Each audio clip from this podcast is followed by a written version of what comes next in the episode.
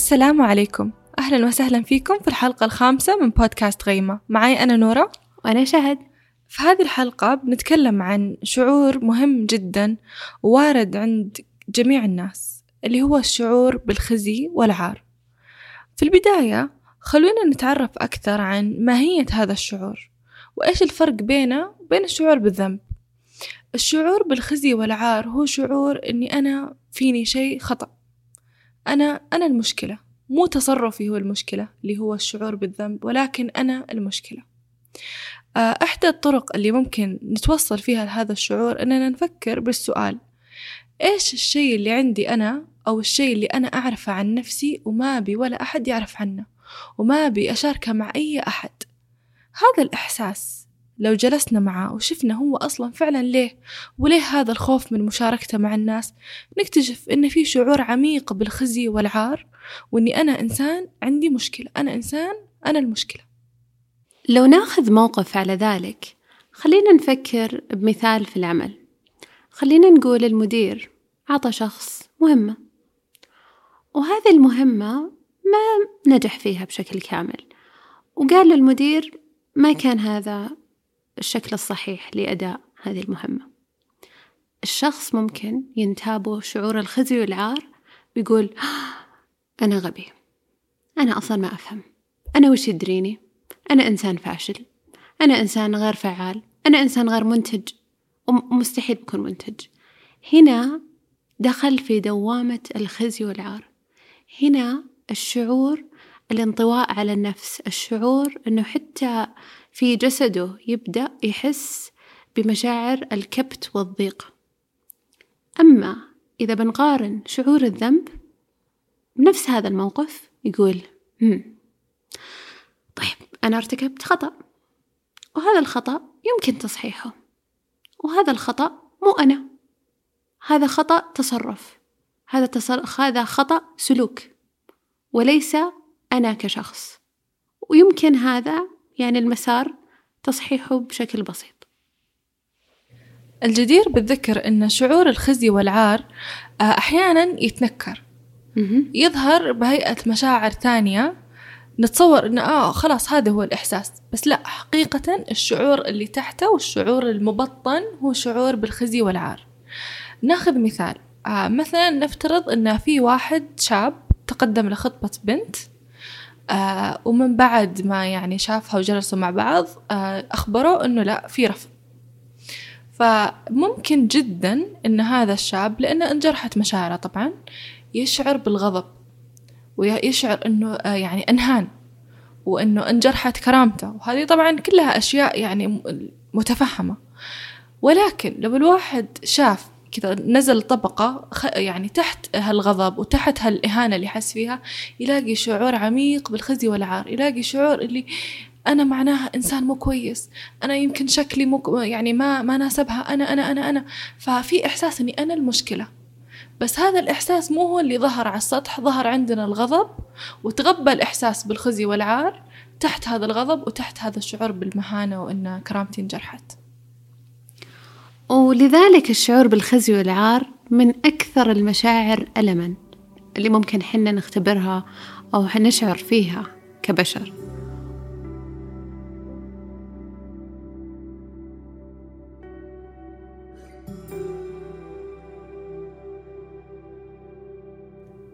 الشعور بالخزي والعار ممكن يكون حالة نمر فيها وتعدي أو ممكن يكون صفة نحملها معنا طول حياتنا إننا نحس بالخزي والعار وإني أنا فيني مشكلة. طيب إيش اللي يخلي الخزي والعار حالة مؤقتة؟ وإيش اللي يخليه صفة مستمرة؟ الجواب إنه التعاطي السليم معه. إذا تم التعاطي السليم مع الخزي والعار أصبح حالة تمر. وإذا ما تم التعاطي السليم معه أصبح صفة ملازمة لنا. في حالة الصفة الشعور بالخزي والعار غالبا يكون مرتبط بأمر تعرضنا له أو عشنا في طفولتنا. ممكن نقسم هذا الشيء لقسمين. الجزئية الأولى الخزي والعار يكون ممكن لشيء مو شرط خطأ أو أمر غلط ارتكبناه. بمعنى ممكن هذا الشيء تم عقابه أو تم الصراخ أو الرفض من المجموعة أو من الوالدين تجاه هذا الأمر. فبالتالي تكون إحساس إنه هذا شيء خطأ فصار في خزي وعار مستمر. إذا بنعطي مثال عن هذا الموضوع تخيلوا بنت صغيرة وهي وأخوها يلعبون و... ويمرحون ويشعرون بالسعادة والحماس وبطبيعة الأطفال ممكن الأصوات تكون مرتفعة. فتجي الأم أول ما يأتي الأب للبيت تقول خلاص أص لا تتكلمون أصواتكم عالية ما ينفع. لا وممكن حتى يكون في صراخ حول هذا الموضوع. فممكن هذه الطفلة الصغيرة تكبر وتحس إنه الصوت العالي أو حتى إظهار الفرح أو الحماس أمر فيه خزي وعار. وممكن هذا الأمر مرتبط بشيء هي مو واعية فيه. يعني خاصة الأمور اللي تكون في الطفولة تكون أمور مو في نطاق الوعي. والأمر الآخر اللي ذكرناه في الحلقة السابقة اللي هو الإهمال العاطفي. إذا الطفل ما كان عنده والد أو والدة أو أي مقدم رعاية مهتم فيه دائما متجاوب عاطفيا دائما حاضر قلبا وقالبا. هذا الطفل بيحس إنه أوه مشاعر المحبة أو الاهتمام مو متواجدة. أنا أحس بالخزي والعار لأنه أنا إنسان ما أنحب. مو إنه مظاهر المحبة ما أظهرت لا. يترجم إنه أنا أصلا ما أستحق هذه المحبة. الجدير بالذكر هنا أن الآباء والأمهات وأي أحد يقدم رعاية للأطفال مو المتوقع منه أنه يكون طول الوقت مثالي. لابد في لحظات يكون فيها انشغال لابد لحظات يكون فيها يعني هو نفسه حتى الإنسان تمر عليه أحوال سواء أحوال طبيعية أو مثلا يكون عنده آه، حالات مثلا ربما أم يكون عندها اكتئاب آه، أبو يكون عنده قلق فما يكون في الاستجابة العاطفية. وهي المسألة ما هي إنه الطفل أبدا ما نخليه يحس بالخزي والعار لأنه مستحيل إن الإنسان طول الوقت يكون مثالي. ولكن الهدف إنه إذا يعني حصل موقف ما في تجاوب إذا حصل موقف فيه تأنيب للطفل وعقاب يحصل إصلاح للخلل اللي صار وللألم اللي صار للطفل. آه مثال حلو آه جدا وتجربة صراحة مرة مثرية يعني هي آه تجربة أم وطفلها جابوهم الباحثين وخلوا الأم وجهها ما في أي تعبير ولا ابتسامة ولا ضحكة ولا أي شيء وقعدت قدام الطفل الصغير ويعني سبحان الله شافوا كيف الطفل كان في حالة ضيق وفي حالة بكاء وفي حالة يعني مرة يعني كأنه مصيبة صايرة لأنه ما لقى الاستجابة العاطفية اللي هو يبغاها وهو الأم ما ضربته ما سوت فيه ولا شيء بس إنها ما استجابت. وهذا عدم الاستجابة ممكن يكون في أشياء كثيرة غير مقصودة وبحسن نية ممكن الأم تكون تطبخ ويجي الطفل يوريها يقول لها ماما شوفي رسمت هالرسمة والأم تقول طب لحظة لحظة لحظة دقيقة قاعدة أطبخ. يعني أشياء صغيرة ممكن تحصل طبيعية ويعني الشيء الإيجابي إنها ممكن تتصلح وبالعكس ممكن إصلاحها حتى يؤدي لنتائج أفضل من إن لو إنها أصلا ما حصلت. بالضبط. وهذه النقطة تحديدا الدماغ في حالة الخزي والعار فعليا يتأذى. ولكن بعد عملية التصحيح بعد عملية الإصلاح إنه الأم ممكن تقعد مع الطفل وتفهمه إيش صار هنا يصير المسارات العصبية في الدماغ تتحسن. بمعنى الحالة بعد الإصلاح أفضل من عدم أصلا الشعور بالخزي والعار أبداً. صحيح لأنه يصير في مرونة يصير في تكيف يصير في قدرة أعلى في الدماغ. تماما. لما نتكلم عن التعاطي مع الإحساس بالخزي والعار في كم تصرف؟ آه ربما إحنا نسويهم أو هم يحصلون معانا وما يكونون أسلم شيء وأفضل شيء ممكن الواحد يسويه. كمثال ممكن إنه لما يجيني إنسان يقول لي والله أنا أحس نفسي آه إني إنسان غبي. أنا أحس شكلي أبدا يعني صراحة ما أحس إني مرتاح مع شكلي. أقوم أقول لا بالعكس أنت غبي. أنت شوف معدلك بالجامعة وشوف معدلك في الثانوي. لا لا لا, لا. فزي كأني أقول ما لك حق تحس بهالإحساس. أنا أنفي تجربته. ويعني ما لي حق أنا كإنسانة أني أقول كذا لأني هذه تجربته وهذه مشاعره وهذا الإحساس بالنفي يحسس أن إحساسك غلط وما مفروض تحس بهالإحساس. وهذا الشيء أبدا ما يساعد. لأنه هو الإنسان جاي يشكي وما يبغاني أنفي تجربته. فهذا واحدة من الأخطاء. من, الأخط... من الأخطاء الثانية اللي هي الإطراء. إني مثلا آه، أسمع أحد يقول أنا أحس إني في شغلي فاشل وأحس إني في شغلي مرة متعثر. أقوم أقول إيه صحيح ولكن أنت ما شاء الله عائلتك ممتازة أنت شكلك ما شاء الله حلو أنت طريقتك مع الناس زينة أنت أنت أنت. فأبدأ بالإطراء عشان أغطي على هذاك الموضوع. وأنا نيتي إني فعلا أسعد هذا الإنسان أو أسعد هذه الإنسانة بس ما هي هذه الطريقة؟ وآخر طريقة اللي هي جدا شائعة اللي هي تقديم الحلول. فلما يجيني إنسان يقول لي أنا والله أحس بهالإحساس أنا أحس إني فشلت في حياتي. أقوم أقول إيه صح لا بس في دورة. سمعت عنها ومرة ممتازة وبتساعدك وبرسل لك الرابط إن شاء الله. وفي هذا شيء باليوتيوب شفته كلام ومرة مفيد برسل لك إياه وما أدري أبدأ على طول حلول حلول حلول حلول. والناس يعني ما ينقصهم معرفة الحلول. يعني أي أحد يقدر يدخل جوجل يكتب ويلاقي صحيح. كل أنواع الحلول لمشكلته. آه فهذه الأشياء إيش إيش تسبب؟ إني أنا كإنسانة أشعر نفسي يو طب ما دام الحل واضح كذا أجل أنا والله غبية صراحة إني إني ما فكرت فيه. آه ما دام مثلا أنا عندي عائلتي كويسة وما دام أنا مثلا مستواي المعيشي كويس عيب علي إني أشعر إني فاشلة. فيبدأ بالعكس يعني ينقلب ضده. بدل ما الإنسان يدعمني ويساعدني أقوم أحس إني أنا إنسانة أنت أصلا ما أنت فاهمتني ما أنت فاهمتني طب أنا الحمد لله دارية وعارفة بس اسمعيني. أنا إنسانة غير مفهومة. أنا إنسانة غير مقدر إحساسي. فيصير المفعول العكسي وهذا ما يعتبر تعاطي سليم مع الشعور بالخزي والعار. ويصير خزي وعار فوق خزي وعار هنا.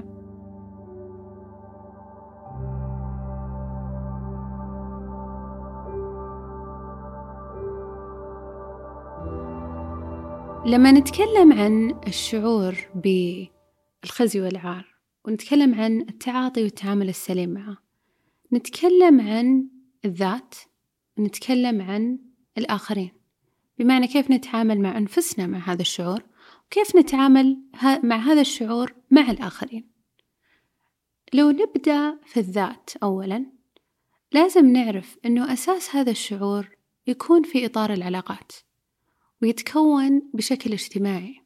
بمعنى حنا كائنات اجتماعية وفعليا حنا نكسر ونجرح في العلاقات ولكن نجبر ونتشافى في العلاقات. ولذلك من أهم أهم الأمور إنه حنا نعرف إنه هذا الشعور بالكبت والكتمان يزيد ويأخذ مساحة أكبر في أنفسنا. يصير زي الوحش اللي يكبر في الظلام. لأنه هذا شعور ما أتى إلى النور ما تم مشاركته. هذا الشعور نبغى نغلق عليه تماما ولا يرى أحد ولا يشوف أحد ولا ممكن حتى أنه ندخل أحد عشان يكون في هذه المساحة بالتالي فعليا إصلاح هذا الأمر هو في إيجاد أشخاص آخرين آمنين ممكن نشارك معهم هذا الموضوع كيف نجد شخص آمن؟ كيف نجد شخص فعليا ممكن يحتوي هذا المكان؟ الأمر العملي اللي ممكن نسويه التجربة المصغرة بأمور قد لا تحمل جزء كبير من الخزي والعار لكن ممكن شيء مؤلم. نجرب ونشوف الشخص. كيف تعامله؟ وأداؤه معنا. يصير نقدر نتعامل بطريقة أفضل لأنه عند الاحتواء الشعور هذا يفقد قوته وسيطرته علينا.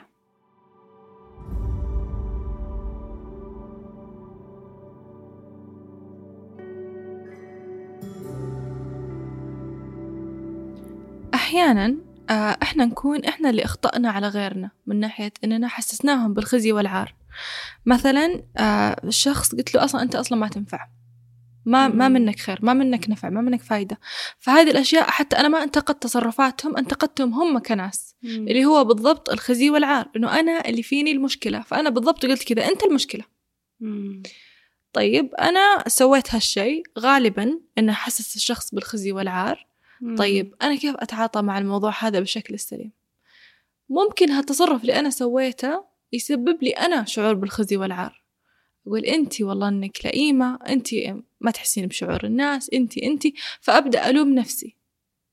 طيب أنا لمت نفسي طب إيش أسوي؟ ما في شيء يتسوى أقعد ناشبة.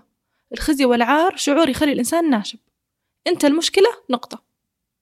فهو شعور ما يساعد الإنسان ينمو ما يساعد الإنسان يتطور أو ما يساعده حتى يتكيف. فكيف أتكيف؟ إني أحاول أنقل هذا الشعور بالخزي والعار إلى شعور بالذنب. فبدل ما أقول أنت اللي لئيمة أنت اللي ما تهتمين بالناس أقول تصرفك كان تصرف يبدي عدم اهتمام تصرفك كان تصرف غير موفق. طيب كيف ممكن أساعد هذا الشخص؟ لأن التصرف ممكن يتعدل السلوك ممكن يتعدل. فالشعور بالذنب بالعكس هو فيه مرونة وتكيف أكبر من إني أنا أقول أنا المشكلة. فأوكي أنا الحين طلعت من الخزي والعار رحت للذنب أدركت إنه أنا تصرفي المشكلة مو أنا المشكلة. طيب كيف أقدر أساعد؟ لما أروح للشخص أقول مو مو أنا حسيت وأنا فعلت وأنا أنا أقول أنا أدري إني جرحتك.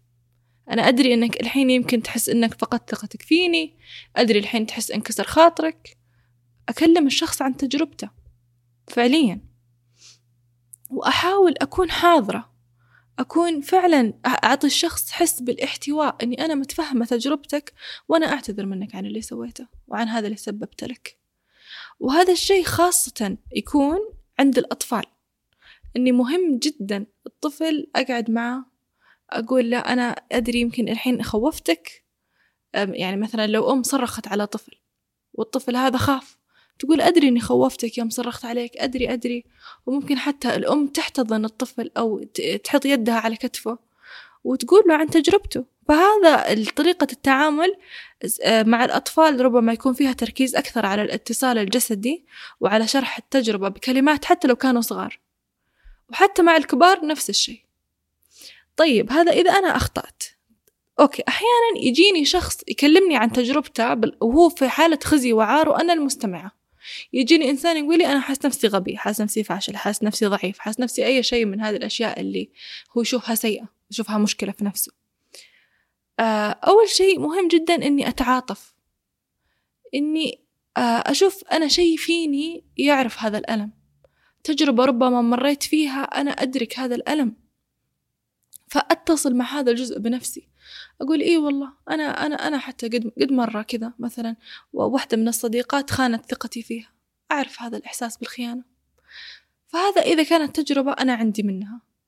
أحيانا مثلا يجيني مثلا زميلتي طبيبة مثلا ومثلا في غرفة العمليات صار شيء خطأ كله منها. طيب أنا ماني دكتورة شلون أعرف الإحساس إذا أخطأت مع مريض؟ هنا ندرك إن مو المهم التفاصيل المهم الإحساس اللي جاء لزميلتي. جاها إحساس إنها خبصت إنها ضرت أحد وهذا إحساس جانا كلنا سواء في عمل في بيت في يعني بكل السياقات. فأنا أتصل مع الإحساس. اللي اللي تحت القصة ال- الإحساس اللي هو جوهر القصة مو التفاصيل. فأتصل مع هذا الإحساس في نفسي وأتعاطف معاها وأكون حاضرة. بدل ما أعطيها حلول بدل ما أحاول أصلحها اللي هو شيء أنا صراحة كنت كثير أسويه. كنت أعتقد أن طريقة المساعدة أني أعطي حلول. وإذا ما أعطيت الناس حلول يعني أنا فشلت في مساعدتهم.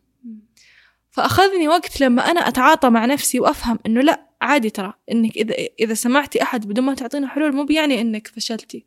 فتعاطيت مع شعوري أنا بالخزي والعار إني أنا ما ساعدت الناس إني أنا فشلت في المساعدة. فلما تعاطيت معها لأنها زي ما ذكرت شهد لو إحنا ما تعاطينا مع شعورنا إحنا بالخزي والعار ما راح نقدر نتعاطى مع شعور غيرنا.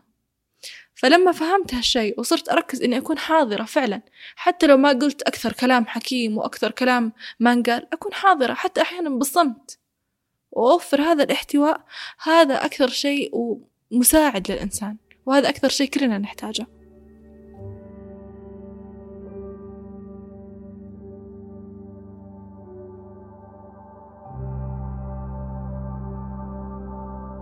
أحيانا حنا ننسى إنه ممكن حنا نشارك. لما حنا نكون في شعور الخزي والعار نحس حنا في دوامة ما تنتهي. حنا في بئر لا قاع له وفي عزلة. وفي عزلة كبيرة. هو من أكثر المشاعر اللي تعزلنا أساسا. وفعليا هذا الشعور ممكن يخليك تنقبض على نفسك وتنعزل وترفض تماما الإحساس اللي ممكن يساعد لأنه مرة صعب ومرة مؤلم والشعور بالرفض أو الشعور أنه شخص هذا ممكن حتى يسبب لي ألم أكبر عالي جدا.